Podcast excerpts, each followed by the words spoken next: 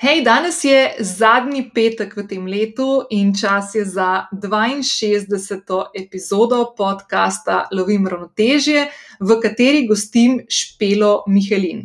Špela je pravnica iz odvetniške družbe Lemur Legal in ženska, ki v svoj vsakdan aktivno upleta pomoč ženskam, ki so žrtve nasilja in tistim, ki si izbirajo pot v okoljih, ki še vedno veljajo pretežno za moške. Slednjim se posveča svojo sodelavko Tejo, s katero v sklopu novo ustanovljenega zavoda Viden pomagata ženske seznanjati z najbolj aktualnimi stereotipno moškimi znanji in jim skozi svoje delovanje predstaviti uspešne posameznice z teh področji. Špelo sem na hitro spoznala poleti, ko sem v sklopu kampanje NLB okvir pomoči, skozi katero so se tudi na mojem podkastu predstavljali mali in mikropodjetniki, gostila njenega direktorja in ustanovitelja pravniške družbe Lemur Legal, Petra Merca, ki ga lahko spoznaš v 34. epizodi tega podcasta. Pravna pisarna Lemur Legal je specializirana za start-upe in spletne trgovine, posebno pravno podporo pa namenjajo tudi razvijalcem videoiger in spletnim vplivnežem, ki prek svojih omrežij gradimo osebne znamke. In tudi sama sem v pisarni Lemur Legal, ki ima ravno pravšne ravnotežje med resnostjo in igrivostjo. To lahko opaziš takoj, ko skočiš na njihovo spletno stran ali pa Instagram. Našla pravnega zaveznika, ki mi pomaga pri vseh dokumentih za moje spletno poslovanje in sodelovanje s podjetji na področju ustvarjanja vsebin. Pogovor s Špelo je kot nalašč za zadnji petek v tem letu. Je poln krasne energije, mladostne razigranosti in spodbujanja ženske energije ki jo še posebej v tem času potrebujemo vsi. Preden spoznavaš pelo, pa še ena stvar. Danes je zadnji petek v tem letu in ga bom izkoristila za to, da ti želim ene lepe praznike, te prve, in potem tudi lep skok v leto 2021. Uh, čisto vsem nam želim, da v leto 2021 in naprej seboj vzamemo vsa znanja, ki smo jih v tem norem letu 2020 kolektivno spoznali in ujeli, to je, kako pomembno je včasih spustiti nadzor, kako pomembno je, da smo agilni, fleksibilni, prilagodljivi, kako pomembno je, da si zaupamo v življenju, in kako pomembno je, da se vedno znova vračamo k temu, da smo veliko bolj sposobni in močni, kot smo morda mislili na začetku leta 2020, ko še nismo vedeli, kaj nas čaka. Po drugi strani pa želim vsem nam, da v letu 2021 ki naj ga napolnijo izzivi, ki jih bomo zdaj lažje zaradi teh znanj, novo osvojenih v tem letu, preskakovali, da imamo vsi manj skrbi, da imamo več zdravja, več topline, več bližine, več časa za igrivost, za druženje in da nadoknadimo tisto, kar smo letos spustili, zamudili ali pa mogoče dali na stranski tir in da tiste skrbi, ki so nas v letošnjem letu nenormalno veliko uh, lovile, pustimo v letu 2020. Preden skočiva v današnjo epizodo in spoznavaš pelo, te vabim, da če še nisi prijavljena na podcast Slovim ravnotežje, to storiš zdaj prek aplikacije, na kateri trenutno poslušaš to epizodo.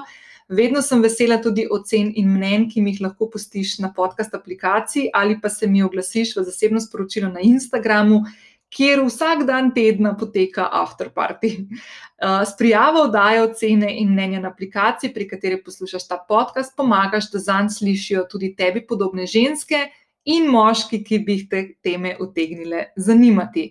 Kot vedno, te spodaj v opisu te epizode čaka tudi povezava do zapisa, v katerega sem ujela še dodatne stvari, o katerih so se špelo danes v tej epizodi pogovarjali. Uh, te pa še eno stvar bi rada izpostavila, ker sem zadnjič uh, dobila obvestilo od prejšnjega petkovega sogovornika Miha Rekarja, ki ga lahko slišiš v 60. epizodi tega podcasta, da na nekaterih aplikacijah povezava ne dela.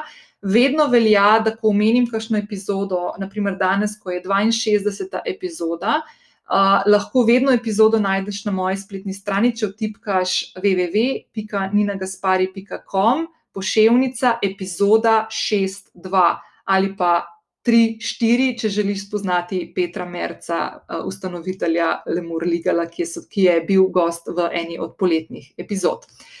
Toliko za uvod, uh, pa skočiva v današnjo epizodo 62. po vrsti in spoznajva Špelo Mihelin.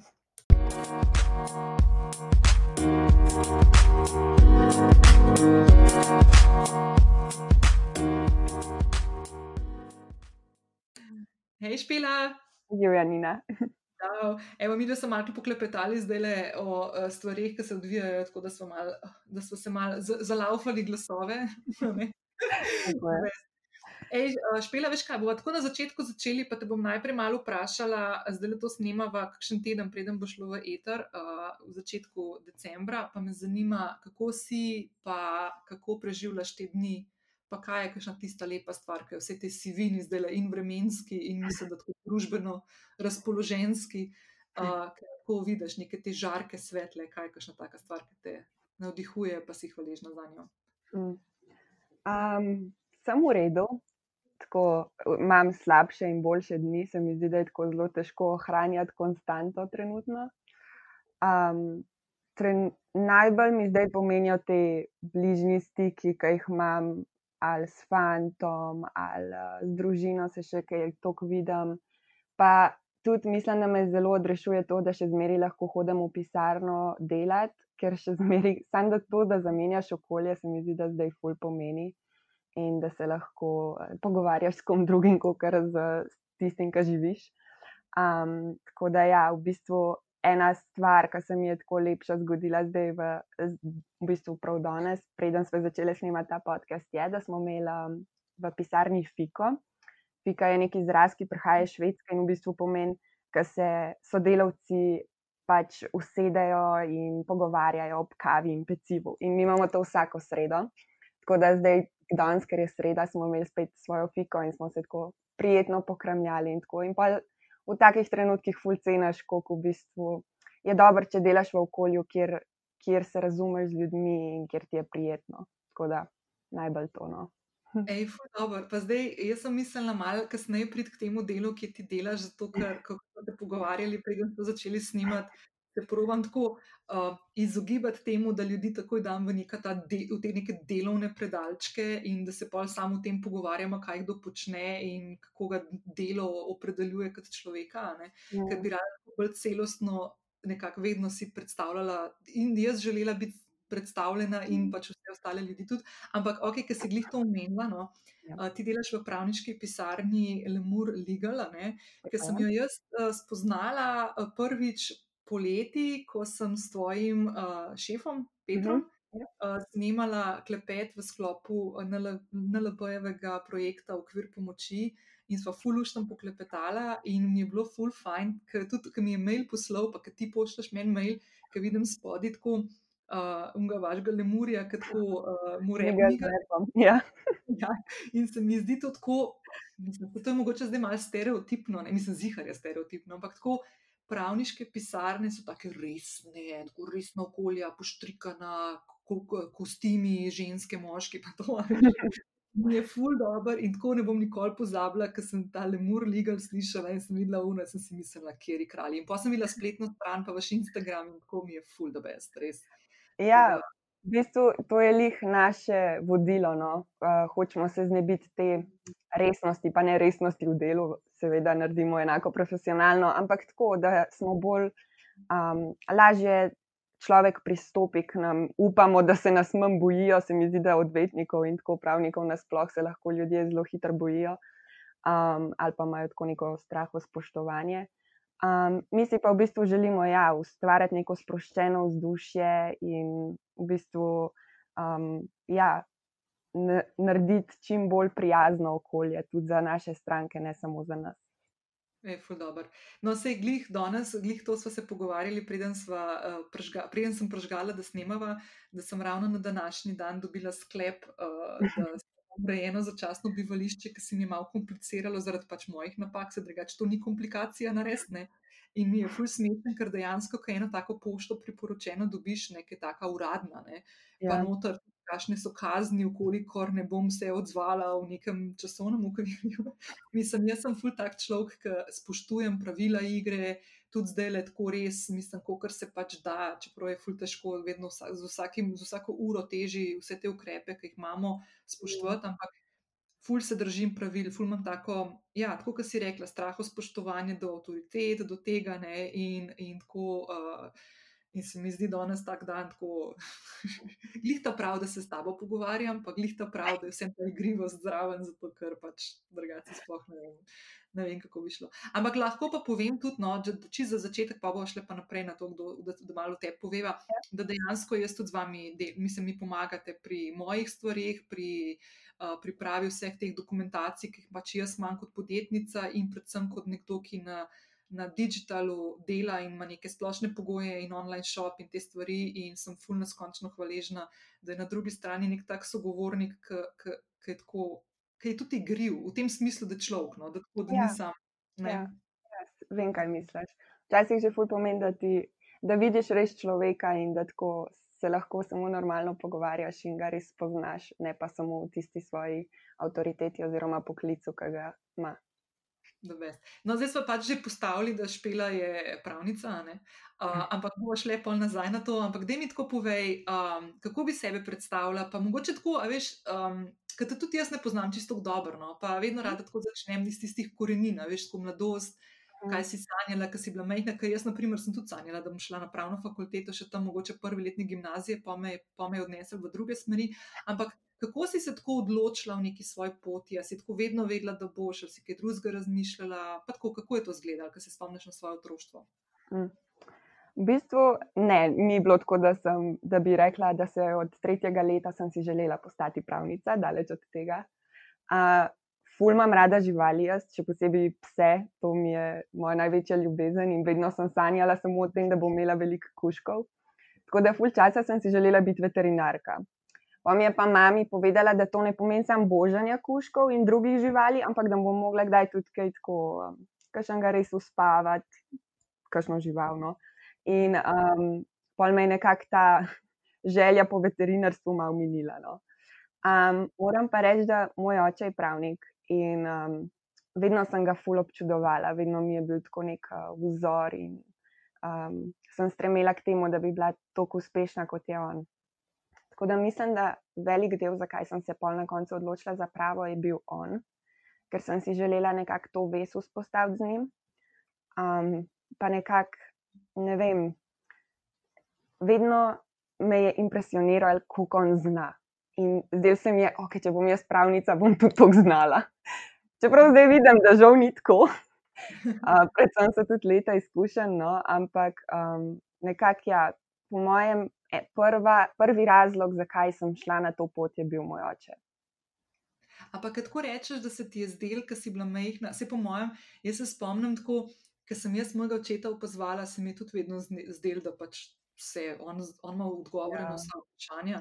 Ja. Pa jaz sem imela še to srečo, da sem imela, uh, mislim, vse smo, pač vsi so bili, da ne bo zdaj kakšen moj sorodnik poslušal, pa si mislil, kva ta zdaj govori. Ne? Ampak en, enega detka sem imela res tako ekstremno inteligentnega in je v bistvu daleč najbolj inteligentna oseba, ki sem jo v življenju spoznala in to je moj dedi Vlado, ki je bil sicer po profesiji zobozdravnik, drugače pa tudi skladatelj in je, naprimer, on je napisal glasbo za prvo slovensko popevko Mandolino in on je mm. Kuhinjsko mizo je pisal za velik orkester RTV, ja, glasbo brez enega glasbila zraven, mislim, tako noro. No? fulejnih jezikov je znal in tako. In jaz, ko se tako nazaj spomnim, a veš, tudi ko mi je bilo, ni me nikoli potegnilo, da bi šla, naprimer, moj oče pa v turizmu pristal. Moj mhm. dedek je, pač, je bil zobotronik, pa nikoli to nisem videla, nikoli te vezi nisem naprimer, videla, da bi se probala mojemu očetu, ker to imamo pač hčerke, res ja. Malo ja. poudarjeno, da hočemo z očetom imeti tako neko vez, ki je drugačna. Uh -huh. uh, se nikoli, na primer, nisem tega videla, da bi se mu na tak način približala. Pa me zanima, tako, a, a te stvari, ki ste se videli, naprimer, ki si bila ti mehna pogovarjala. Kje so bile mogoče tiste področja, se spomniš, kaj je tako nasilno, da zdaj ne udarim? Ker si ti rekla, o, to pa moj oče res obvlada. Ne? A veš, kaj najbrž se niste v pravu pogovarjali, ker smo mehna, mehna. Uh, dobro vprašanje. Ne, nisva. Tak, takrat nisem pojma imela sploh, kaj točno on dela. Ampak nekako ja, moj oče ni zelo čustven. Ta del je predvsem moja mama prevzela in me je tako te čustvene inteligence, se mi zdi, ful ona naučila. Moj oče je bil pa tako, če me je kaj zanimalo, ne vem, tehničnega ali pa um, karkoli, v bistvu tako, da me je zanimalo neko novo področje. Težko ti rečem zdaj prav specifično, da bi se kaj spomnila. Um, ja, v bistvu tako pač. Um, vedno je imel odgovore na moje vprašanja, pa to, če so bile še tako neumne, mi je bilo všeč, da mi je vedno resno odgovoril. Nikoli mi ni dal vedeti, ne vem, ah, kaj me to sprašuješ. Vedno me je pač razložil in mi, mi povedal pač nek odgovor, ki sem ga pol nesla sabo v svet, kako naj rečem. Ej, se zdaj, tako, ko sem te vprašala, se mi zdi, da če bi meni kdo ta vprašanje postavil, bi si mislila tako, seriously, sploh ne vem, kaj bi odgovorila. Je pa res ena stvar, to, kar si ti rekla, ne, da jaz se tudi spomnim na svoje otroštvo, da je bil moj oče, naprimer, mislim, se to zdaj ful, mogoče malo grdo reči, ne, ta nečustven del. Ne. Ja, tudi pri nas je bila mama tista, ki je bila bolj na tej čustveni ravni, oče je bil tisti, ki je bil bolj na tej racijo, oziroma ker je imel dveh črki, je obe v bistvu zelo potencirano vzgajal v tem, da so samostojni ne, in da mhm. znajo skrbeti. Se mi zdi, da to je bil tisti ful moment, ki je bil tako ful močen. Ampak je pa zanimivo, no? ne vem, če so ti, mislim, da smo zapeljali čez nekam v drugo smer, ampak dobro, ful mi je zanimiva debata. Um, kaj mi je ful zanimivo? Ne? Mi se, na primer, nikoli v družini nismo rekli, da te imam. Uh -huh. Veš, mi smo, na primer, se spomnili svojega otroštva, ko smo še v Ljubljani živeli, po mojem, smo tam, preden se moja sestra rodila, se pravi, sem na stara, ne vem, pet let. 4-5 let, smo, vem, vsako, vsak vikend sem jaz pretekla k mami pa oči v pojstvo, sem se na sredino ulegla in pa smo pelili nekaj časa, uh, mi se imamo radi kot prašički mladi, kaj bi bilo lahko. V glavnem, veš, to je bil naprimer način, kako smo si, zdaj sem se spomnila po stotih letih, to, to je bil način, kako smo se mi v bistvu povedali, da se imamo radi. Ni bilo pa nikoli to, da bi z besedami rekli, da te imam. Ja. In jaz se spomnim, da naprimer z mojim očetom imam jaz občutek, da smo zdaj v zadnjih letih tako malo ta bolj tudi ta čustven vidik izpostavljamo, uh -huh. da si tako povemo, veš, tako le, uh -huh. rada imam, uh, veliko mi pomeniš, uh, ful mi veliko pomeni, da se tako dobro razumemo. Kar mi je ful zanimivo, no, ker tudi oni najbrž niso bili tako glih vzgajani v tistih generacijah. So, ja. ne. Ne, točno to, pač um, tudi jaz imam take spomine. Moj oče meni tudi nikoli, mislim, da ni rekel, da me mara. Mogoče, ker sem bila full mehna, pa zdaj se tega ne spomnim več, ampak polka si v njih najstniških letih in rata še tako grozna najstnica, vsaj jaz sem bila takrat ti po mojem niti noče reči. Ampak um, zdaj, pa pa nekako, ja, ki prideš tam v 20 in več, pa nekako, ne vem, se mi zdi, vsaj pri meni se je naredil nek preskok, ki začneš full cent čas z njimi in, in hočeš pokazati, da jih imaš rad in jim reči to. Tako. tako da, ja, tudi mi dva sva zdaj nekako, se mi zdi, še nadoknadila za nazaj tisto, kar mogoče mi je pa manjkalo čustvenega, tako na ta način. Ej, pa tvoj oče še dela ali je že v pokoju? Ja, ne, moj oče še dela, je še. Um, ja, dela. Ne vem, kako lahko povem, ker ne vem, ali bo poslušal to ali ne. Ne, ne, oče živa, ne, ne, ne, kul, kul, vse to dela. Ampak on, ker zdaj, na primer, če tebe vprašam, ti polka si šla, si, kdaj se je pa rodila, ok, se pravi, rodila se je želja po tem, da greš uh, po poti svojega očeta in ja. potem si šla, na, a si šla na gimnazijo? Ja, jaz sem bila na gimnaziji Vič ok, na gimnaziju, ok, the best. Ja. In pa si šla, in pa si šla na pravno fakulteto. Ja, zdaj na pravni fakulteti ti pač celostno gledaš pravo, ne, z vsemi svojimi vejami, ki obstajajo. Ja. In se potem kasneje odločaš, katero področje prava bo tisto, ki bo tvoje, nekaj, neko tvoje področje strokovnosti. Ja, mislim, načeloma je tako. Se pravi, pravo ima pet let, in v zadnjem letu na magistrski stopni se ti odločaš za kjer, uh, kateri modul boš študiral. Imáš ne mednarodnega, splošnega, ustavnega in tako. In um, se lahko, se moraš, si moraš zbrati en od petih, mislim, da je modulov.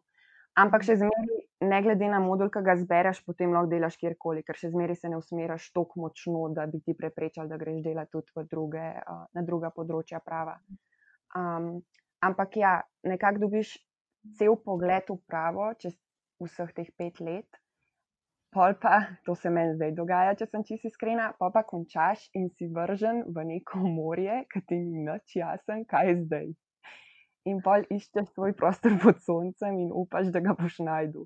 Tako nekako jaz dojemam zdaj trenutno, ker sem pač magistrirala jih uh, v letošnjem letu. No. Wow, čestitam. Evo, vidiš, kako je letošnje leto, kako je tako, da bi ga radi zbrisali iz kolektivnega spomina, ampak se mi zdi, ja. da so ne take stvari se zgodile, ki pa lahko tudi malo ja. praznujemo. Ej, ampak drugač, špela, sem to doživela. Jaz sem diplomirala pred, mislim, da leta 2006, pa sem imela isto sceno, isto občutek, tako jaz sem pa na FDV hodila, ki je bil tako, doskrat se tako sliši, da je brez veze. Mislim, Pa se po mojem, vsak faks je lahko brez veze, če ne vložiš še dodatno svoje strani, pač nekega. Yeah. Ja. Nekega Ne? Mhm. Ampak jaz se spomnim, ko sem prišla z tega faksa, ne, jaz sem imela občutek, da pojma nimam. Jaz, ko sem v realnost padla, pol v nek oddelek marketinga, je bilo tako, sem imela občutek, da ali pa če ne bi študirala štiri leta. Veš, tako da se mi zdi, da tle ta, ta del, ki pride pol z izkušnjami dela. Ja, se se ja. Točno to, se mi zdi, da ti noben tega ne pove cel čas ti študiraš in študiraš, in si tako, oh, še malo pa bo konc, še malo pa bo konc. In pol je konc, in ugotoviš, da si v bistvu na začetku. Zdaj jaz se ja. tako počutim. In pol vidiš, koliko v bistvu znanja dobiš šele, ko začneš delati, ko imaš neki um, znanja iz prakse. No? Takrat se ti res začne nabirati skupaj, vse sestavljati, neka sestavljanka. Uh, je, da, ja.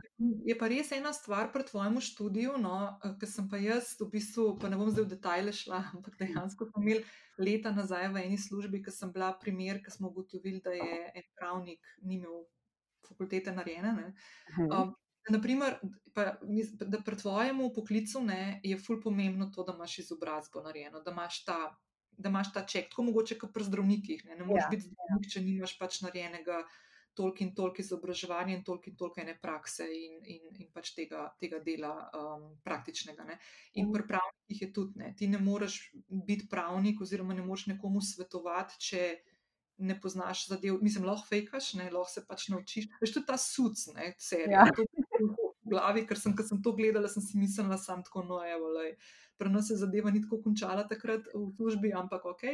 Ampak ja, ful zanimivo, ne? tam je tam, tam naš tisk gospod je hodil tudi po, po sodiščih, pa to ne. Mislim, to bilo lahko res tega štala.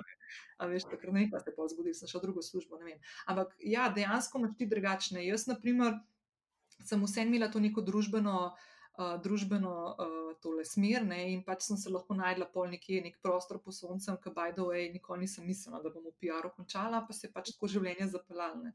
Ja, Ampak če pa mogla imeti neko. Konkreten faks narejen, pa, ali pa ne vem, ne moreš biti psihiater, če nimaš narejenega faksa, naprimer. ne moreš pacijente sprejemati. Ja, potem to.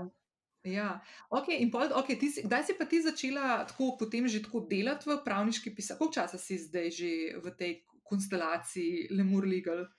A, zdaj, pri Lemurih sem že leto pa pol, nekaj mm -hmm. tasga.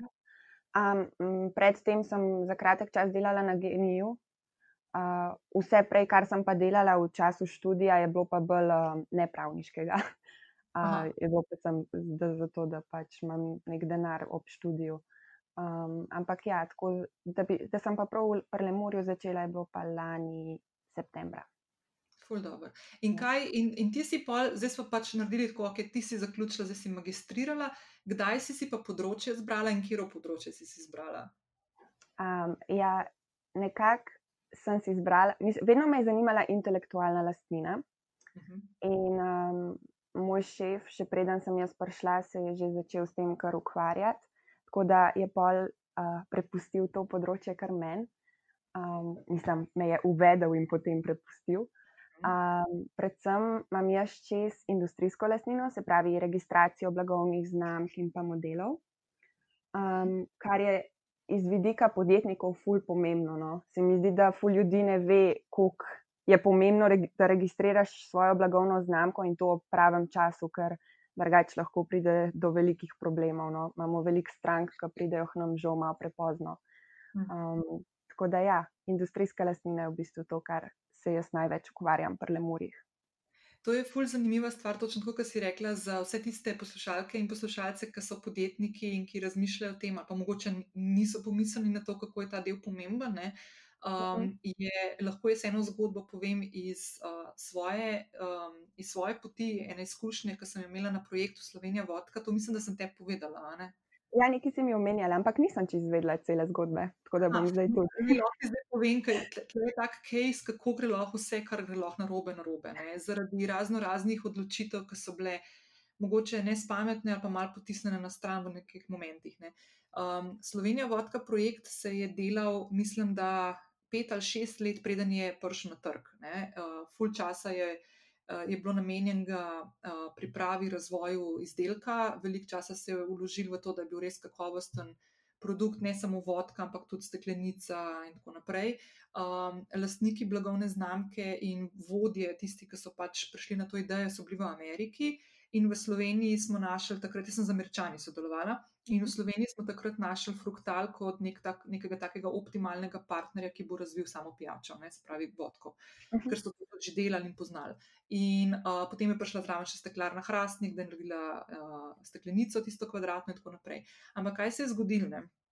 Slovenija je tako fulmejhna, tako res prekleto mehna, ne, in zgodba o Sloveniji vodki je všla v medije. Ne.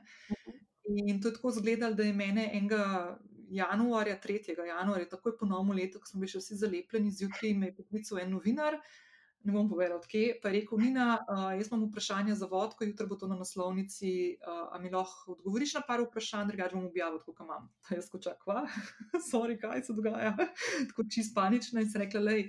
Jaz sem ljudi v Ameriki, šest ur je za nami, hvala Bogu, da so bili na vzhodni obali, jaz moram to vprašati. Ne?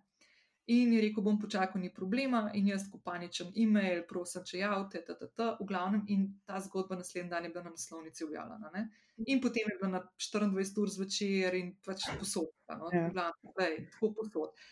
No, ampak zakaj je ta detajl ful pomemben? Ne? Zato, ker v tistem trenutku je to zgodbo videl en slovenc in je zelo hitro se začel uh, obračati in uh, iskati načine, kako registracijo blagovne znamke narediti, da pač potem, ko bomo pa mi, če slučajno še za to nismo poskrbeli, ne, uh, kako nas bo potem lahko mal uh, pač potržil ne, na te stvari.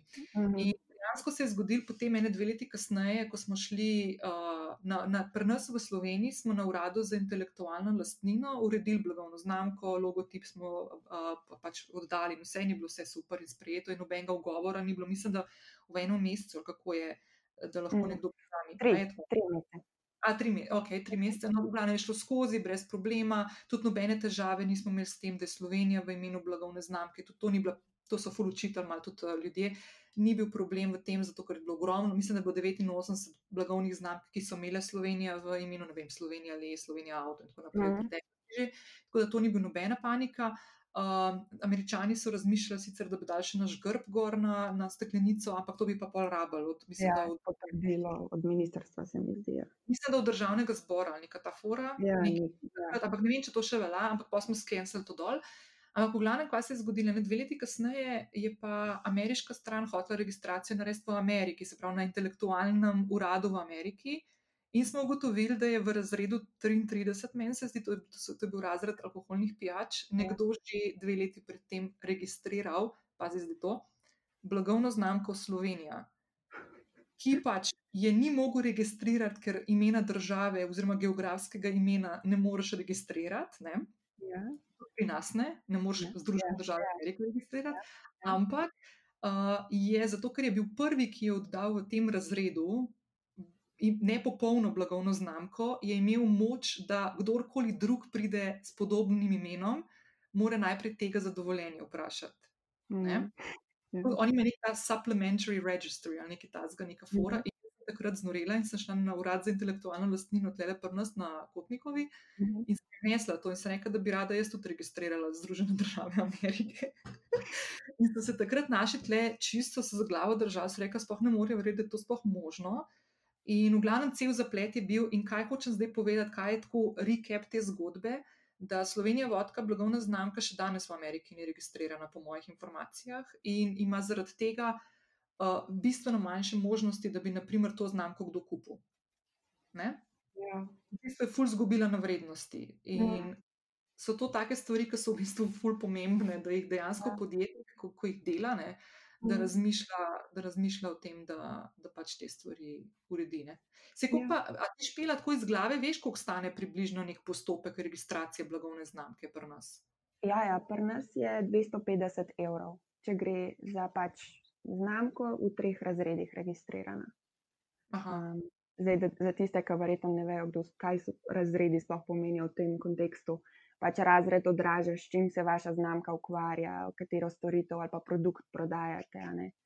In v Sloveniji je, ja, tri razredi so zajeti v 250 evrov. Ker na evropski ravni je pa že ful dražje, je pa 850 evrov začetna taksa, Mhm. um, vključuje samo en razred. Ja, ja, ja. No, mi smo takrat tudi evropsko, smo tudi vključili, a, a ni to v Španiji neki celo? Ja, Se- Alicante. Mhm. Tako, ja, ok, da bes. No, in tako da ja, pa mislim, da takrat pismo, veš, da mislim, da je bilo dražje, da je bilo okrog 300 ali nekaj takega celo. Ne vem, no, se nima veze. Ampak ja, naprimer, to bi bilo ful, ful smotorno za vsakega, ki ima neko blagovno znamko, se pravi, naprimer, jaz, moje podjetje in Nina Gaspari, oziroma imam neko osebno blagovno znamko, tukaj to ne pride v poštev, ne. Ampak, naprimer, če imaš pa ti neko znamko, ne vem, XY podjetje ime, ne, pa logotip, pa, to, pa misliš še tukaj širiti, pa, biti, uh, pa delati nek brand, ne. Ja. Pol pa tukaj je že, naprimer, Telekom Slovenije ima registrirano blagovno znamko Telekom Ja. Slovenije. Tako je. In zdaj te stvari, neki postopki, nek način je lahko, da to narediš sam, ne? ampak dejansko se ti pa tukaj splača, da te res nekdo vodi. Mhm. Uh, Ponovadi so to kakšni patentni uradi ali kako koli, ali pa neki pač strokovnjaki za intelektualno lastnino, tako kot je špela. No, tako.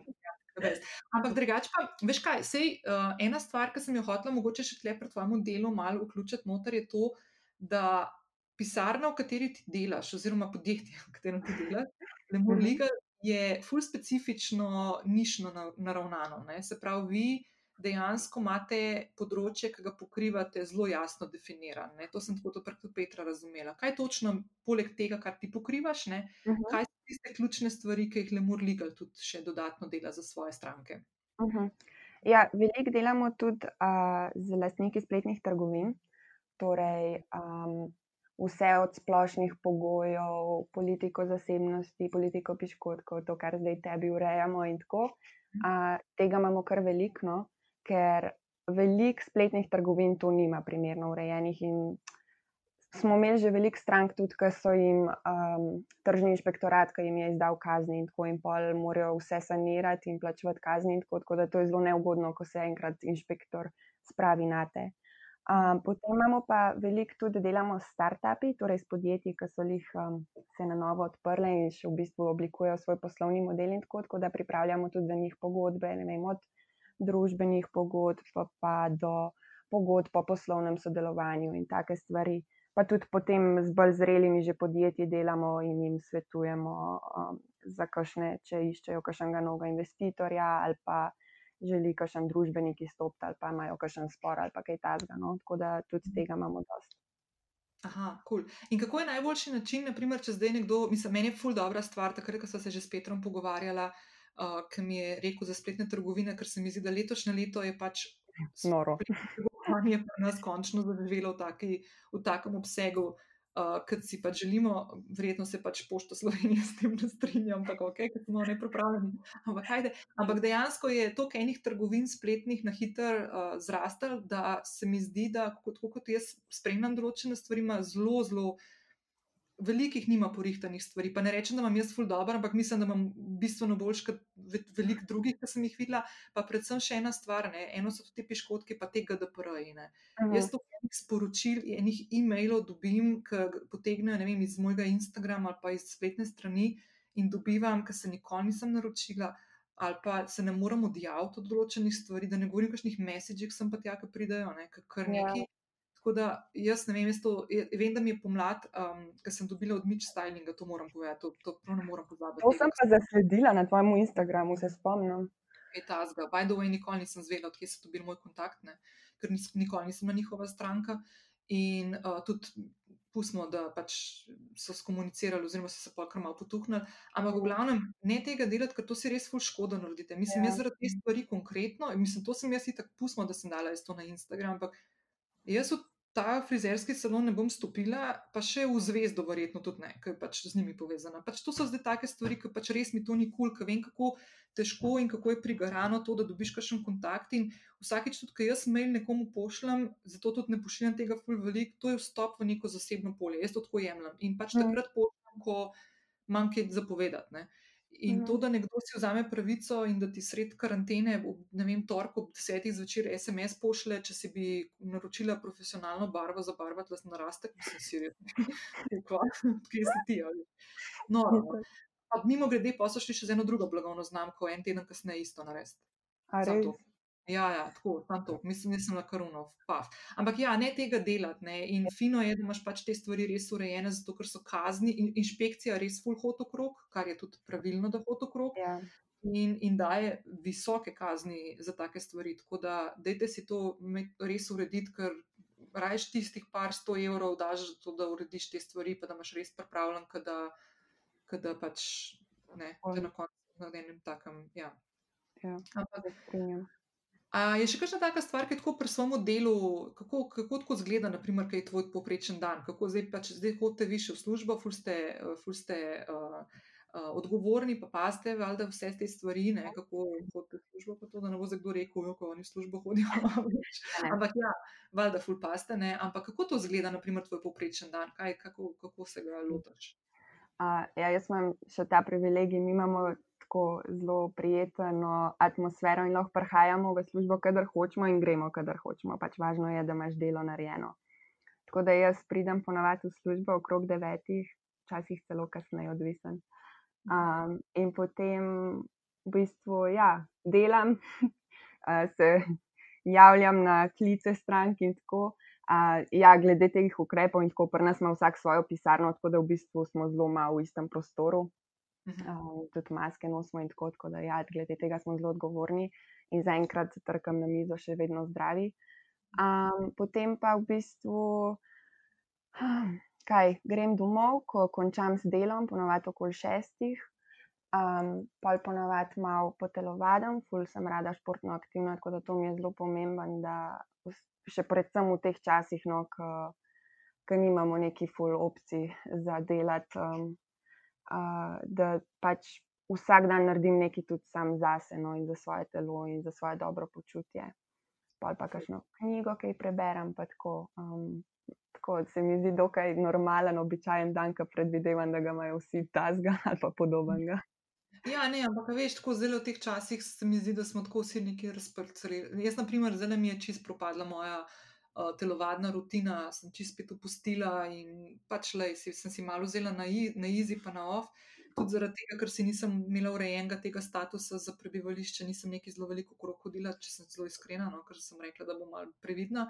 Uh -huh. Tako da, ja, da tudi jaz sem malo tako, ampak lej, brez neke drame, počutim se v redu, ampak se mi zdi, da to je full fine slišati, da ima nekdo neko tako rutino, pa da mu odgovarja. Pa, Veš, da, ja, mislim, da je pauza tudi vsake tok paše, a ne to te čisto razumem. Ampak, um, Ej, drugač pa, drugač imaš pa ti v bistvu še poleg dela in te dinamičnega življenja, ki ga imaš, imaš pa še v bistvu eno temo, um, ki je tako tvoja zelo velika strast. V bistvu si tudi v letošnjem letu, če sem te sprav razumela, si se priključila temu, da kot pravnica pomagaš uh, ženskam s pravno pomočjo, ženskam, ki so žrtve nasilja. Ali lahko malo več poveš o tem, kako se je to zgodilo, pa zakaj, pa kako to zgleda? Ja, tako je. Um, v bistvu pomagam eni nevladni organizaciji, ki se um, ki nudi pomoč ženskam in otrokom žrtvam nasilja. In jim v bistvu nudim kot pravno podporo, ker um, imajo veliko psihologij in tako, kar je seveda v teh situacijah zelo pomembno, da imaš človeka, ki zna reagirati in se zna pogovarjati z žrtvijo nasilja. Um, ampak dobro je pa tudi, da imaš neko pravno pomoč, ki, če ne drugega, vsaj da nekdo zna pogledati v zakon in ga razlagati in priti do nekega zaključka in vedeti, kaj je naslednji korak. Mhm. Zdaj, jaz sem. Sploh ne znam razložiti, zakaj točno je to meni ful pomembna tema. Vedno sem nekako se zauzemala za pravice žensk in zelo sem tako um, strastna do te teme. Um, potem pa tako velikrat sem brala zgodbe o ženskah, ki so bile ali žrtve nasilja in tako. In ne morem si predstavljati, kako je, da živiš z nekom ali pa nek, ja, doma, ko si, da se ne počutiš varnega. Mhm. In nekako to sočutje, ki ga čutim do teh žensk, me je gnalo k temu, da jim hočem aktivno pomagati. Ker, kot sem rekla, pač eden izmed prvih razlogov, zakaj sem šla študirati pravo, je bil moj oče, ampak pol sem pa počasi v bistvu prišla tudi do tega, da nekako s pravno izobrazbo lahko narediš neke spremembe, vsaj želim si jih narediti. No? In um, tako si želim biti aktivno vključena in vsaj eno mehko stvar na tem svetu spremeniti na boljše, pa če to samo pač ne vem, da lahko eni ženski povem, kakšne so njene pravne opcije. Sej, mogoče sem naivna, pa mislim, da ji to kaj pomaga, ampak upam in želim si, da bi. Ma sam jaz mislim, da to, veš, tako, me, zdaj, ko te poslušam, veš, to je tisto, kar, ful si dobro, zdaj, navez, ful sem vesela, da smo tvojega oče v bistvu omenili, Ker v bistvu, a veš, tako, ful si dobro zdaj povezala, kako si najprej zaradi njega, nekako te, te, ta vez z njim potegnila noter v pravo, pol si pa našla tudi sama strast do tega. Ne? Do ja. tega, da lahko, ker tudi jaz, na primer, na pravo tako gledam. Ne? A veš, pa ne rada padamo v neke te, da pravniki so, pa odvetniki so neki grozni. Sploh ne, ampak pač pravniki so na svetu zato, ker pač poznajo te stvari in znajo ljudem pomagati. In vsak od nas, ki se je kdaj znašel v neki situaciji, Uh, jaz lahko rečem, da ne v situaciji, da sem bila žrtev nasilja, konkretno, ampak smo bliže vsi v situaciji, ki bi rabili nekoga, da bi nam svetoval. Mm. Drugega, kako, ja, točno to, kar si ti rekla, kakšne so tvoje pravi, pravne pravice, kaj je tisto, kar lahko ti, na kaj se lahko potegneš, ne, zato da boš lahko splavil iz neke, iz neke situacije, ki je neprijetna. Ne. Zdaj, ja, to nasilje, to je pa, po mojem, tle so še krat faktori, grozno. Ja se razčlovečen v bistvu in imaš toliko manj energije in konc koncev tudi zaupanja v to, da se lahko karkoli spremeni, predvidevam, neko kar jaz te stvari opazujem. Pa se mi zdi, da tega, kak, ampak ti si, ti si verjetno, si, a, ti, a mi lahko poveš, kako je imeti nevladne organizacije? Um, Rajš ne bi, ker je glede okay. tega tajnosti, samo zaradi tega, da so pač ženske, ki so v teh situacijah pol varne. Okay. Um, okay. Ampak uh, načeloma, ja, Naprimer, okay, veš, zakaj sem te to vprašala? Lej, če bo zdaj kakšna poslušalka to poslušala, pa se bo prepoznala v tem, uh -huh. pa se mislila samo zaradi tega, da ve, kam se lahko obrne. Uh, je ja. kakšen način, brez da mi ti poveš to, da bi naprimer, lahko vsem stopila v kontakt? Ja, seveda. seveda um, eno izmed društv, ki jih lahko pokliče, je vedno Društvo za nenasilno komunikacijo, potem imamo SOS telefon za ženske. Veliko je zavodov in recimo veliko obstaja tudi varnih hiš, kamor se lahko ženske umaknejo v teh kriznih situacijah in potem krizni centri, ki te prav v tistem trenutku, če res nimaš druge opcije, da se moraš umakniti iz doma, ker je tok nevarno, um, da pač greš tja in eh, lahko greš z otroci. Um, in se pač umakneš tja in poskušaš urediti svoje življenje nazaj, tako kot si. In, in pravna pomoč, ne glede na to, na katerega se obrne, na katero organizacijo, društvo ali pa, ali pa ta ja. znotraj sistema, ima potem možnost, da pride do nekoga, ki tudi pravno svetuje. Tako, tako je. In v bistvu vse je brezplačno. Znotraj tega si upravičen do brezplačne pravne pomoči. Mislim, vsaj svetovanja na začetku, potem pa je tudi odvisen od tvojih um, um, razmer, se pravi, finančnih in tako, če si tudi dejansko upravičen do brezplačne pravne pomoči, to je pa institut prava, ki v bistvu ti pol zagotavlja, da uh, ne rabiš velik. Da se ne rabiš spuščati v stroške, zato da si zagotoviš, da je v bistvu dobiš um, tisto, kar ti pravice do ja, življenja, ki ti pač pripada. Točno tako. Okay. Ful, ful, dober, ok, ful, the best. No, pa pa še ena stvar, ki si jo tudi zalaufala letos. Uh -huh. je, je pa ja. zavod viden. Tako je. Pa jaz malo na rit padla, ker si mi povedala, pa te bom zdaj ful prosila, če ga predstaviš, zato ker se mi zdi taka ful dobra stvar. In bom kar javno tle rekla, da če kadarkoli karkoli rabila, klič ali pa neki, in mi je ful, best. Ampak zdaj pa plis, sam povej, kaj to je, ker mi je ful dobro. Najprej najlepša hvala. Um, vedno, a veš, ko začneš nek nov projekt, si vesel, da imaš neko podporo, pa da se zdi ljudem v redu. Tako da upam, da bojo tvoje poslušalke in poslušalci istega mnenja. Ampak ja, a, namen zavoda Viden je v bistvu ženskam približati um, področja, ki veljajo za tradicionalno moška.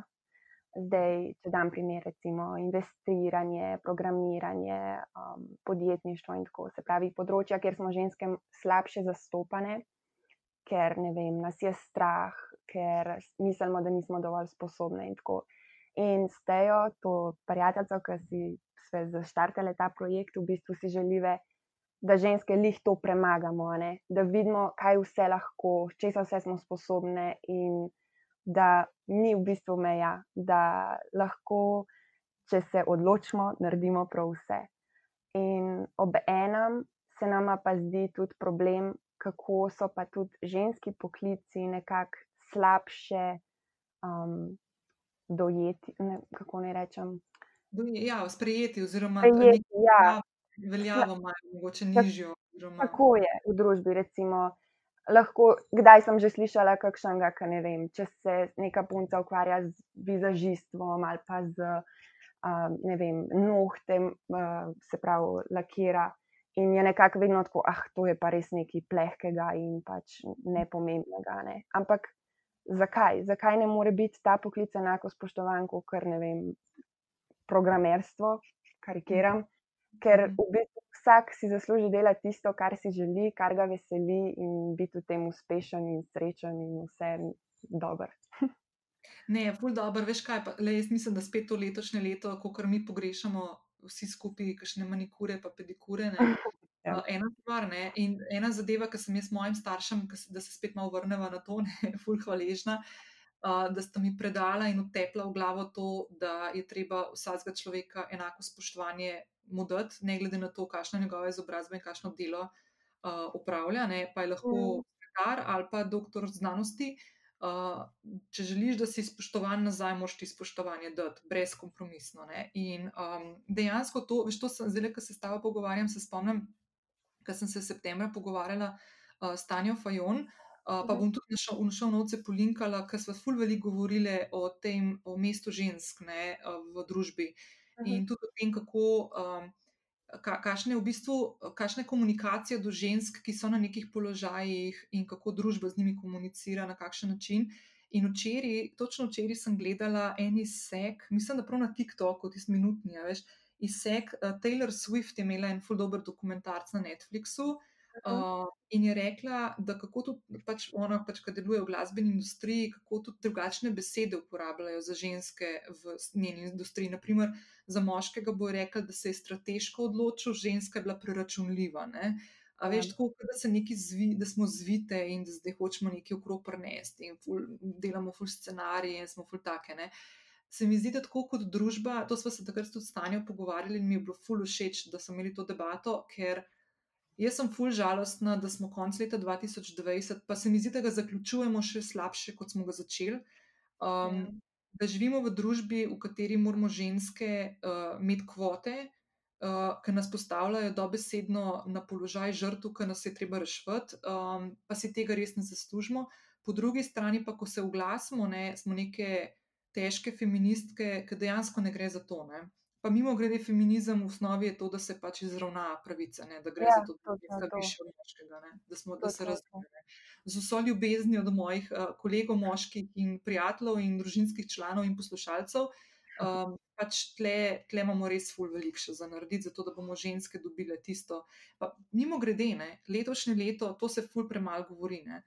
Letošnje leto so ženske več korakov nazaj naredile kot naprej, Ja. zato ker večina, žen, večina stvari, ki so v letošnjem letu padle na družine, s tem, ko so otroci doma, ko se šolajo do doma, so padle na ženske.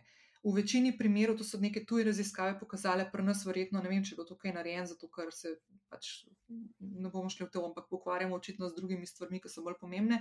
Ampak ženske bile tiste, ki so naredile tudi na svojih kariernih poteh uh, korake nazaj in so ali, ali pustile službo, ali bodo zaradi tega dolgoročno stagnirale na svoji poslovni poti uh, ali pa podjetniški poti, zato ker so to leto dobesedno preskočile, ker so večino časa se ukvarjali. Ne rečem, da moški tudi ne, ne me narobe razumeti. Ampak večinoma je tako nekako v, v okolju, pač bo valjda ženska tista, ki bo prva se odrekla, oziroma rekla, da bo za otroke skrbela, pa za družino. Ne. In Ja. mi zdi tako, da se o tem tudi premalo govori. Tako kot se premalo govori o duševnem zdravju v tem obdobju, sploh ne. Tako da, Ja, točno to. Lih danes sem brala en članek, ki sem malo raziskovala za današnji pogovor s tabo. In sem v bistvu ja, videla, da v času COVID-a je največ izgubil žensk svoje službe. Um, zdaj, verjetno nekaj je bilo tudi žrtvovanje zaradi um, situacije z otroci in to, ker jih morajo pač same, oziroma nekako vedno se pol sklepa, da ga bo ženska vzgajala in ostala doma in ga šolala. Um, pa tudi, a ne, ko smo jih pregovorili o nasilju nad ženskami, tudi ta čas je zelo rizičen tudi za ta vidik. Vedno več je nasilja, vsi. Najhuj, ker je, je to, ker se ženska nima več nikamor umakniti, ker mora biti doma, ker so taki ukrepi. In ja, tako ta let v bistvu za nas ni bil lih optimalen. In Mhm.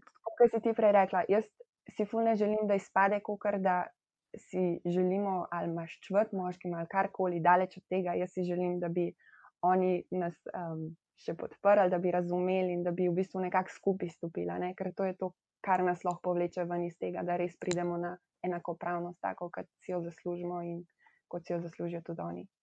Je, točno to. In, in ta, ta zadeva, veš, ta. Um, jaz bi si želela živeti v, v družbi, v kateri uh, zavod eh, viden, naprimer, ne bi rabili. Ne? Ja, ja, to. čisto iskreno, ne? mislim, meni je super, da ga imamo, da ste ga ustanovili, stajo, ampak ful bi bilo pa fino, če bi pa mogoče kakšno drugo stvar delali, zato ker imamo te stvari že porihtane. No? Tako da, ej, včeraj sem gledala, to ti moram sem tako sem na slabe volje zvečer, da nisem mogla zaspati. Gledala sem na Netflixu eno dokumentarno serijo v štirih delih um, od tega Dominika Štroskana, ne vem, če se ga spomniš, uh, direktorja svetovne, zdrav, uh, ne zdravstvene, svetovne uh, fun, uh, fin- finančne fundacije IMF, uh, ki je pred desetimi leti, ko so ga dobili v New Yorkški hotelski sobi, da je spolno napadel eno sobarco. Ne vem, če se spomniš tega.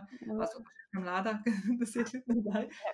No, v glavnem kaže ta primer in vseh teh kotov, in kako je pol prišlo ven, da pač dejansko pač on po naravi ima to, da ni bilo to enkrat in edinkrat, ne, da je imel kar tako serijo eh, stvari, ki so pa v javnost prišle.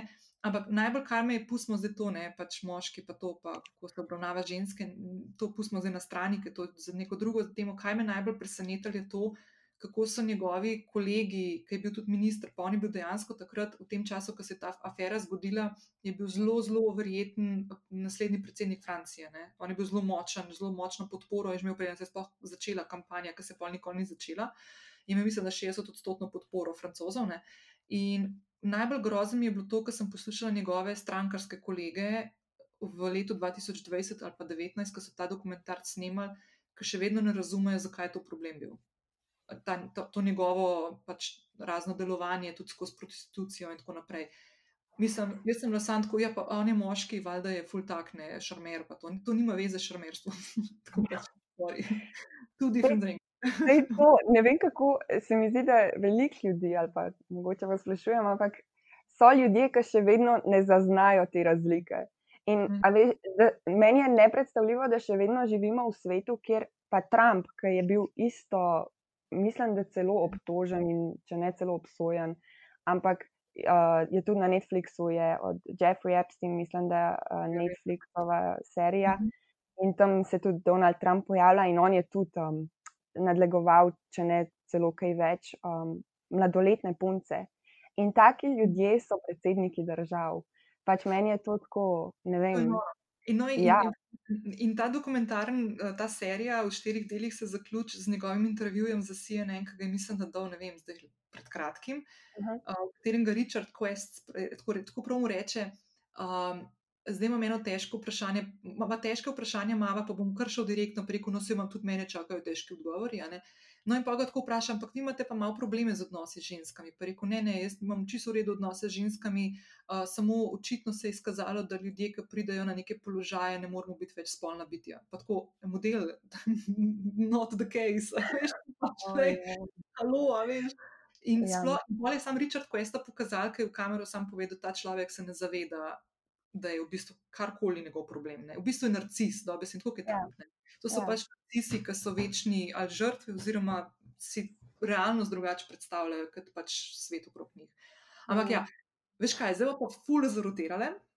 Okay. Te bom v bistvu, te bom pa iz te drame in grdih stvari potegnila in bom vprašala, kaj te najbolj navdihuje v življenju, zdaj tako res 360, da gremo malo lepše stvari. Hm, najbolj navdihuje.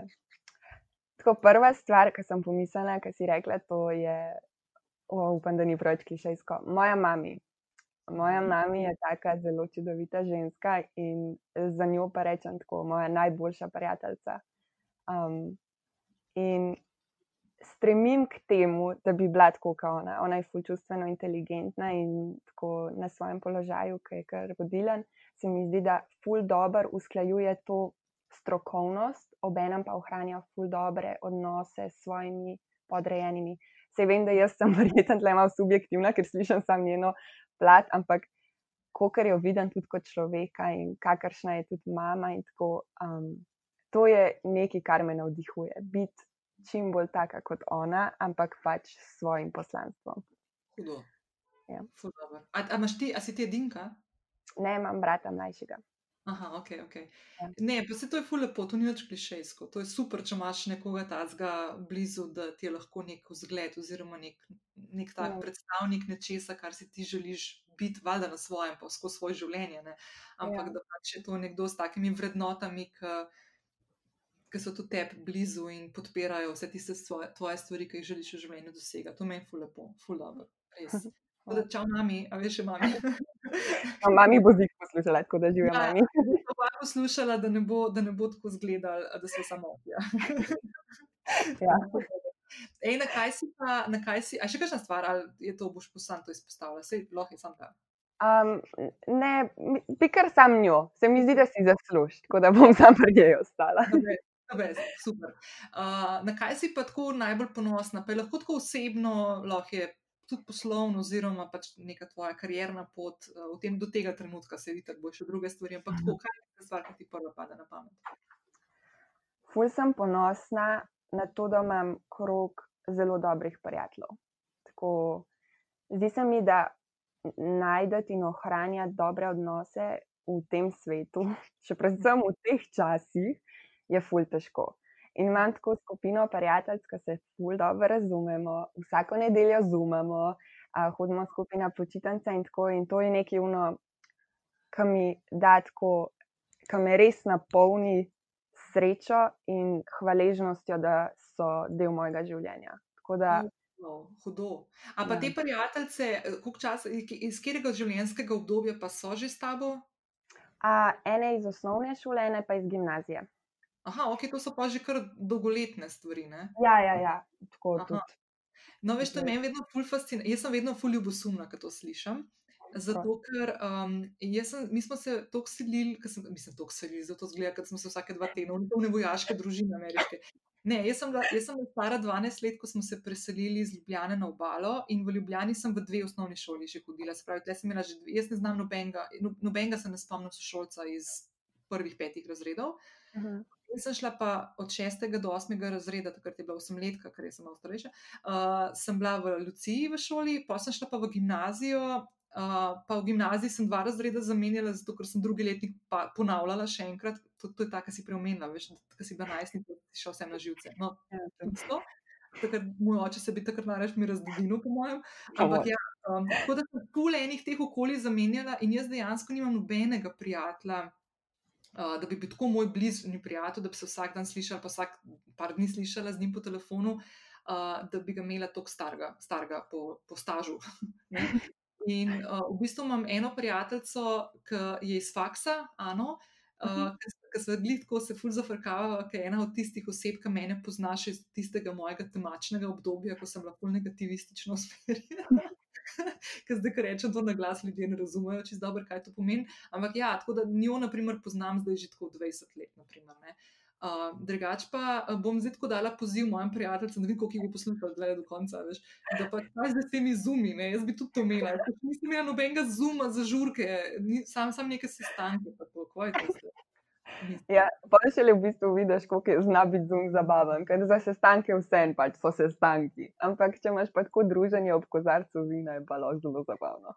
Čeprav ti jaz nekaj povem, da jaz sem skoraj vedno na, koza, na, na kozarcu vina zraven, tudi ko imam sestanke. Ja, no, sej. Tudi to je rešitev.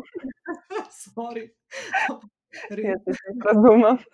Če dobro, veš kaj, zdaj imam en nov računalnik, pa je ful bolj širokokotna kamera, zdaj to mi ne gre več, no, ampak se pa spomnim tam pomlad, ko smo imeli, um, zdaj bom Romanov, ko sem ga imela, mislim, da v 42. epizodi, uh, če bo to poslušal moj mentor, ki sem mu štiri mesece imel vsake dva tedna uh, te uh, coaching Se Mhm. spomnim, enkrat, enkrat mi tako, tako mi je hodil na robe, to se mi ni dal, več 4 ure na umuzumu, pa tako, pa predavanje, pa tako res se mi ni dal, pa ful so bi začeli so se tako lepi dnevi, pa to, veš. In Mhm. sem, si, in sem po mojem spila, eh, delala sem še špricarje, po mojem sem mene tri spila, pa meni je tako že eden, dost ne. In sem tako se prav spomnila, ker sem tako šla iz kadra ven, veš, da sem verukala. Ja, jaz rekla, da se je. Ampak, evo, le, nic. Ampak, a polka imate ta zoom, uh, zdaj me to ful zanima, zdaj moram jaz organizirati. A ta zoom, ki imate, a to si tudi polkšno ozadje naredite, pa tako se zafrkavate? kako? Ja, valjda to itek. Um, pa vedno smo vse najbolj raztrančirane, kakšno nedeljo zvečer, ko se nobeni nič več ne da, masni lasje in vse, in pa se malo smejemo druga drugi, ki rahu izgleda. Ampak je ful prijetno. Dobro. Saj to je ta, veš, to je ta fora, ki. Ker se jaz tudi že par mesecev s tem ukvarjam, kako mi gre na živce ta socialna distanca, ker to je tako en krepot uh, besedne zveze, ki sploh ne bi smel. Ne vem, kdo je to potrdil, ne? ampak mm. da Mm. dejansko bi mogli imeti to socialno bližino, ker nam, hvala Bogu, vsa ta omrežja in tehnologija omogoča in se Ja. držati v fizični distanci. naprimer. ampak ok. Tako da, ja, je full dobro. Tako da zdaj, ne vem, jaz upam, da se bo to vteli, da se bomo malo ven lahko spustili, pa da mi ne bo treba te zumov delati še za druženje, ampak le, drugače. Joj, ne govor, da ne bomo nov let ta zoom praznovali. To je. Ja, to sem imela zdaj v mislih, da bo prav dal drugače poziv, da nov let smo na zubu. Ja, saj. Grozen. Okay, no, zdaj smo bili na to, kaj si najbolj ponosna. Zdaj me pa zanima, kaj pa kakšni porazi. No? Pa se ni treba tako konkretno povedati, ampak a ti tako, kako poraze dojemaš? Uh, Hm. mislim, da zdaj tako že vsak reče, da zato da se nekaj nauči, da so dobri. Ne? Ampak tako, je kakšna taka stvar, ki si naprimer, se ti je zgodila. Naprimer, pri meni, eden od mojih večjih porazov, sem ga zdaj le par minut nazaj omenila, je to, da sem drugi letnik zagovedla in sem mogla iti še enkrat v, v drugi letnik gimnazije, ampak se je to izkazalo na koncu, da sem prišla sem boljši razred, boljši razredničar, ko sem imela. Pa sem začela fulbol pridna biti in dejansko me je pol to spodbudilo, ni me zavrl, ni me vrgel nazaj, ampak me je dejansko odprl in, in sem šla pol, je bilo boljš. Um, tako da, naprimer, sem iz tega poraza naredila neko zmagovalno zgodbo, rečemo temu tako. No. Ampak kaj pa ti, kako je pa ti gledaš na te stvari? Pa, Uh, ful mi je dobro, da si to omenila, ker sem tako zdaj porazmišljala, šit, kaj naj rečem. Pač tako, predstavljam si, da kakšni ljudje imajo poraze, nisem poraze. Negativne izkušnje, ki so ful hujše od mojih in obratno. Ampak je, meni je bilo tudi to. Jaz sem padla drugi letnik faksa in Mm. meni je se takrat sesul svet. Pač. Ker nekako mene vedno je ful bremenilo, bremenil, oziroma verjetno me še vedno občutek, da se moram dokazovati. Kar vem, da me ful omejuje, ampak ne vem, kako se naj tega znebim, delam na tem. Ampak s tistim trenutkom se mi je res podaril svet. In zdaj se mi sicer zdi banalno, ker se enkrat na dan ne spomnim, da sem jaz padla drugi letnik faksa, ampak takrat sem pa res, um, mi je bilo kar težko. No? In zdaj, če gledam nazaj, kaj sem se naučila. Koliko v bistvu, ko dobiš, ko mine čas, pa dobiš malo percepcije, koliko je v bistvu vse tako relativno. In koliko minejo te občutki, tudi ko misliš, da nikoli ne bojo. ali Pa, Mhm. tako, in da moraš življenje včasih malo bolj lahkotno jemljati. Se mi zdi, da to velikrat pozabimo in se fulo obremenjujemo, tako predvsem sami s sabo. Mhm. Mm, tako da bi rekla isto to, no? drugi letnik. Ful dobro. Pa, Ja. ampak ti verjetno nisi predtem imela nikoli nekih zelo velikih težav ali pa da bi imela kakšne slabe ocene. pa To, ne? Mislim, v gimnaziji sem bila, tako bom rekla, dokaj povprečna. Moja učiteljica za slovenščino me je sovražila, če me vprašate, tako da če slučajno to poslušajo, lepo pozdravljam. Um, na faksu sem bila tako, tudi bi rekla, dokaj povprečna. Nikoli nisem bila nadnaravno um, inteligentna, uspešna in presegala vse svoje vem, cilje in tako.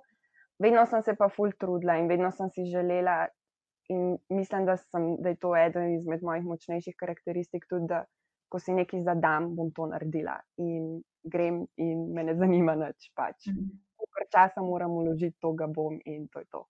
Se to te zato pravim, ker ponavadi, ko pač prideš do takega prve situacije, če to, če to na faksu, pa si bil prej tako full priden, Ja. Ja, da pol te to še dvojno dotovče. Ne? Ker jaz, na primer, na faksu sem tudi en letnik pol povzirala, ne?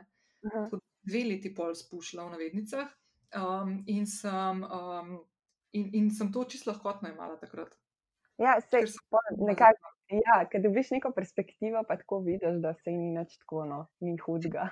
Ti bom pa še eno stvar povedala, ne, da moj prvi letnik gimnazije, pa pač drugi, ne, sem imela razredničarko, ki je bila tudi učiteljica slovenščine. Mhm. Um, pa mislim, da sem jo na zadnje srečala dve leti nazaj na enem koncertu. In um, ta gospa, ne, jaz to tudi ful lepo pozdravljam, ki bo vedela, kje je. Uh, če to posluša, um, ta gospa je na prvi govorilni, ur, govorilni uri prvega letnika gimnazije, ki sta šla oba moja starša pač tja, da vidita to šolo. tako, Je rekla mojima staršema ena na ena, da jim svetuje, da me prepišeta na kakšno drugo srednjo šolo, ker gimnazije ne bom naredila, ker nisem dovolj pametna. In moja starša sta prišla domov ne, in sta to meni povedala, um, ker sem imela strategijo, da bova Nini to povedala, zato je prav, da ve, pa mogoče bo to pač dal brca v vita. Ne. Čeprav takrat mislim, sploh še ocen ni bilo, ker je bilo to res začetka septembra. Mhm. In jaz sem takrat tako zamerala to, ne. sem mislila, s kakšno pravico, že takrat se mi je zdelo kot otroku dejansko, ne vem, koliko si takrat star, 15 let, se ne vem. Ja, ja. Mi je tako za malo zdel, da te nekdo na tak, neka odrasla oseba, meni se je zdela ful Boga. Tako, jaz sem imela tako prav eno tako sočutje, kako je ta ženska mora biti Boga, da gre eno 15-letnico zaznamovati v, v dveh, treh tednih, si ustvariti neko, mne, neko mnenje, ki je čist, ne, ni no, nikjer nobene podlage za to.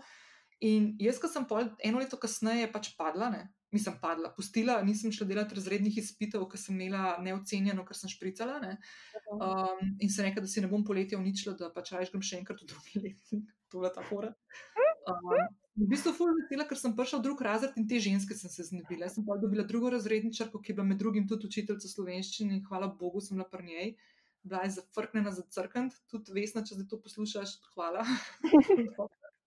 ampak ja, ne, tako da to je bila ta dobra šola, ampak ne, nikoli pa ne bom tega pozabila. Ne. In se mi zdi tako grdo, Ja. da, da se na tak način kdorkoli pogovarja s komorkoli, sploh pa nad otroci ali pa nad. Um, Ja, ker se že tako čisto oblikuješ. Ne morem verjeti, jaz imam pol podobno zgodbo, ker jaz sem tudi slišala od te učiteljice neprijazne stvari, tudi na način, a res greš na pravo, kaj boš pa ti tam, a ne itak, nisi dosti pametna, da boš naredila. In to, mislim, mene je ful zaznamoval, mogoče preveč, kot bi me mogel, ampak tako, meni se tudi zdi, da reči nekaj tazga kot učiteljica, to je. To lahko narediš ful več škode, kot si mogoče predstavljaš. Mislim, to je nedoraslo, da imamo čisto. Ja, ja, no, to, kaže mehkost človeka, pa Ja. ful veliki strokovnjaki za vem kaj. Ampak to, to je tisto spoštovanje. Ne? Mhm. Ker Zaradi mene je šlo 36 doktoratov, ampak če nisi človek, ne. Pač, Ja, Tako da zdaj vse, drage poslušalke, če ste imeli kdaj to stvar, niste edine, zihar smo, pač, evo, saj jaz pa špela še, pa taki, nikoli, pač ne tega, ne si ustvarjati nekih mnen o ljudeh, ki jih pač ne poznamo in ne vemo, kaj se jim dogaja, ali pa kaj se jim dogaja, tako da malo mogoče naredim en tak krok, kaj se jim dogaja za štirimi stenami. Ne, tako da. točno to. Ja. Ja. Ok, evo zdaj pa čist na konc, take rapid questions. Um, a imaš kakšno jutranjo rutino ali pa tako, kakšno stvar, ki jo res vsak dan narediš? Ne vem, zdaj si telovadbi si že malo omenila, no, ampak ja. kakšno tako stvar, ki jo moraš narediti vsak dan? Imam. Zjutraj, ko se zbudim, mi fant vedno pripravi a, toplo vodo z limono. To je obvezno. Na prazen želodec in to delam zdaj po moje že dve leti in se mi zdi, da se mi ful pozna tudi na koži in tako, ne vem, vse je boljše. A pa, Um. pravi, sem limonin sok, pa Ja. toplo vodo. Toplo vodo pa malo medu dam še, da Prav. tako. A si kdaj probala še kakšen jabolčni kis dati noter? Ne, to pa nisem, sem pa zasledila, da je to ful Ja, ja. Ampak še- biti filmega. Veš kaj, tizga v Davšiča, naprimer, um, tizga meniha, unije ful dober. Jaz sem to tudi eno, eno obdobje prakticirala, no, tako pa, pa mi pa nekako ni več sedel ta kislina zjutraj na prazen želodec, ampak ja, to so ful dobre stvari. Se tudi limona sam, se ne da Ja. Sej, ja, dobro. ok. Sem si napisala jabolčni kis. Um, stvar. za vsak slučaj. Bom research naredila. Uh, tako da ja, začnem s tem, pol vedno pojem zajtrk, ki je po mojem zdaj že pet let, Lizanč me je brat sprašval, kako je možno, da jaz to že toliko časa jem, ampak vedno pojem ovsene kosmiče z banano in arašidovim maslom. Jaz sem odvisna od arašidovega masla, jaz po mojem ne znam živeti brez tega. In Kje ga to je meni. Ne pa firbec matra, kjer ga pa kupuješ? Um, enega, ki je, uh, zdaj čez znamke ne vem, ampak enega je čist naraven, ki ima res samo arašide, tudi v sestavinah, ki pogledaš in so pač zmleti arašidi, um, pa ful, ne vem, kje, ne vem, kako se že imenuje. Vidim, ni od kakšnega slovenca. Ne, ni, ni un Rogues Peanuts Butter, ki verjetno ni Ja, ja. ja. ne, ni od njih. En Kako ti je. kosmiče pripraviš, ker veš, zakaj te to zdaj sprašujem? Um, ker je, um, ker jaz, na primer, si dam jogurt, pa si pol potresem navadne kosmiče, čiste srove in mi čisto težko naredi. In ne vem, kako bi, vse vem, da pač ta porridge, pa ti, a si ti v mleku skuhaš, kaj narediš? Ja, jaz jih naredim ali z ovsenim mlekom ali pa riževim, jih malo prekuham, jih tako, da se zmeč, zmehčajo. Aha. Pol pa kar narežem not banano, eni jo tudi uh, lahko jo pač prej poteštaš z vilco, pa jo kar daš not kot eno kašico, da ti nastane, odvisen, kaj mi bolj paše. In pol v bistvu tako, sam spina baterja malo poli, pač tako pokapljam Aha. in to meni je to najboljš, ne vem, to mi je Dobro. res go-to zajtrk. Ej, to je moja sestrična delala, ki smo v Londonu skupaj živeli. Ona si je delala tudi ta porridge njihov, no. Uh -huh, uh -huh. Dala pa na krhle jabolka noter, pa pol fulcimeta, pa to in ne vem, tudi tvoj nadišal. Pa Ja, bajdo je zdaj, ko si rekla, zdaj, ko si rekla, da že pet let je šisto, sem se spomnila na oba moja detka, zdaj bom še dedi Laurota omenila, da ne bom tudi vladata prej. pa ne Ker In ona je celo življenje jedla isti zajtrk in to je bilo, da sta eh, k- kose starega kruha namakala v uno proseno, eh, proseno mle, eh, kavo. A res? Ja, to sploh ne vem, če veš, kaj to je, ampak to je tako, Ne vem, vem, to moja mami ful pije. no, Ne ni to slabo, sam ne bi pa vsak dan pila. Ne, ne, ne, itak ne. In jaz se spomnim, ko sem se fulkrat kregala z mojim dedi Laurotom, ko sem tam velikrat na, na obisku. Uh, in, je, in je tako mi naredil, kakšno to kavo, ne, mislim, ali pa mlek mi je segrel, kakav, be, be, benko kakav, in je, tako, uh, in je dal kruh mi noter, in, in pa se tista naredila una smetana gor, in jaz da to pa no freaking way, da jaz to popijem. In on, to je najboljši del, sem rekla, lej. Gnoj mi smrdi, vedno mi bo smrdel, pa pene, mislim, tele smetane na mleku tudi ne morem, tako da ne, prosim, ne me s tem res. Tako da, no, vidiš, ja. ja. Jaz si bi tudi ful rada naredila nek zajtrk, ki bi mi, na primer, sedel, da bi ga vsak dan. Sem imela eno obdobje nekih smutijev, Uh -huh. mi več ne sede, ampak evo, jutri bom probala to narediti, kar si zdaj ti rekla, samo da bom naredila z mandljevim mlekom, da vidim. Ja, to je še boljš. Ja, priporočam, priporočam. Ej, the best. Ej, da mi povej še kakšno knjigo, film, podcast, serijo, kaj tasga, da vidim, kaj, kaj naša špela, tako malo berem. Kaj jaz berem? Um, pred kratkim sem prebrala od Sheryl Sandberg, ona je zdaj uh, direktorica, oziroma že nekaj časa direktorica Facebooka, uh, tale Linin. A ta Uh, na biografija, ne?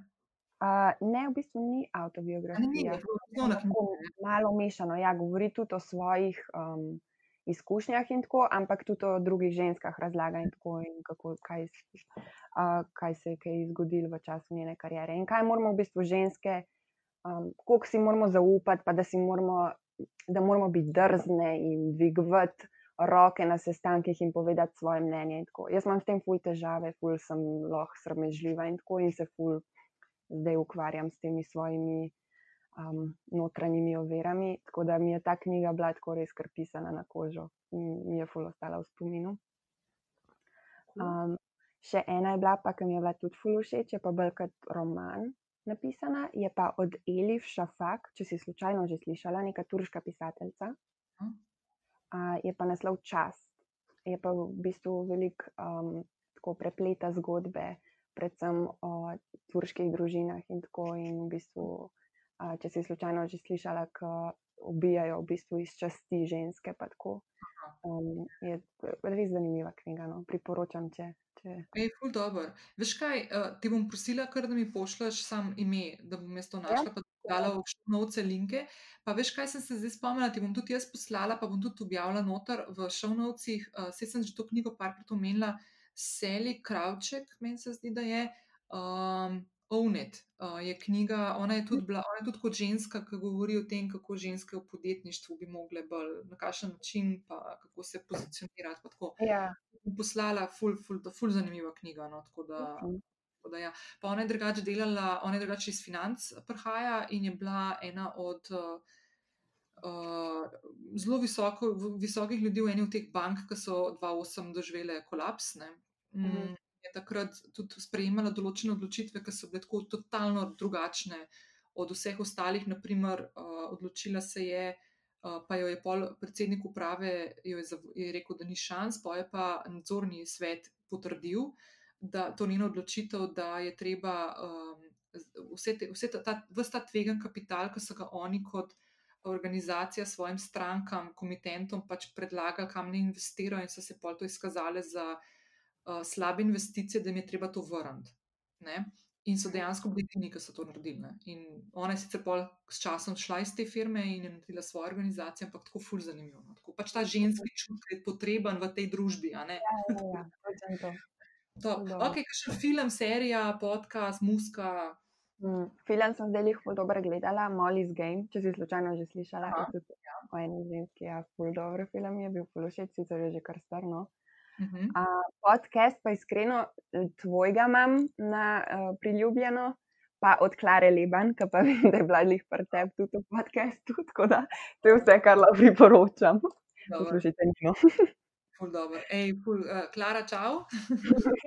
bom tudi polinkala pogovor s Klaro v šovnovcih, pa jaz sem tudi gostovala pri Klari, bom dala še un uh, podcast noter, tako da lahko še tizga poslušate, če, če poslušate, če še niste. Uh, Tako da, full the best. Uh, je super, le. A je še kakšna taka stvar, ki smo jo pozabili zajeti ali smo podelali vse? Mislim, da smo kar vse. Vse. Dotaknile. Uh mhm. -huh. Ja, full dobro.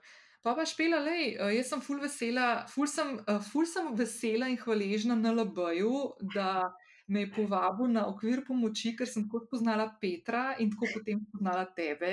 Ja. Uh, in, in sem full vesela, da smo poklepetali danes. Te, zdaj ti bom kar dala na mizo tako, uh, en tak virtualen gin tonik ali pa kozarc vina po tvoji izbiri. Uh, pa da ga bova v realnosti, ne prek zuma, by the way, da ja. ga bova v realnem življenju uh, čim prej dali kozarca skupaj v živo in si nazdravili in poklepetali še kaj tako ne za mikrofonom. Joj, z veseljem, z veseljem. Inač, Pela, jaz ti želim uh, en lep preostanek tega leta, pozdrav vse v Lemur Legal uh, Officeu. Pa, uh, pa upam, da vas malo pridem res obiskat, pa da je veliko zdravja, pa, pa pač ne vem, ne penina steče uh, decem, na te, te zadnje decembrske dneve. No. Mislim, da se vsi. Hvala lepa, enako. Lepo bodi, čau. Enako, čau.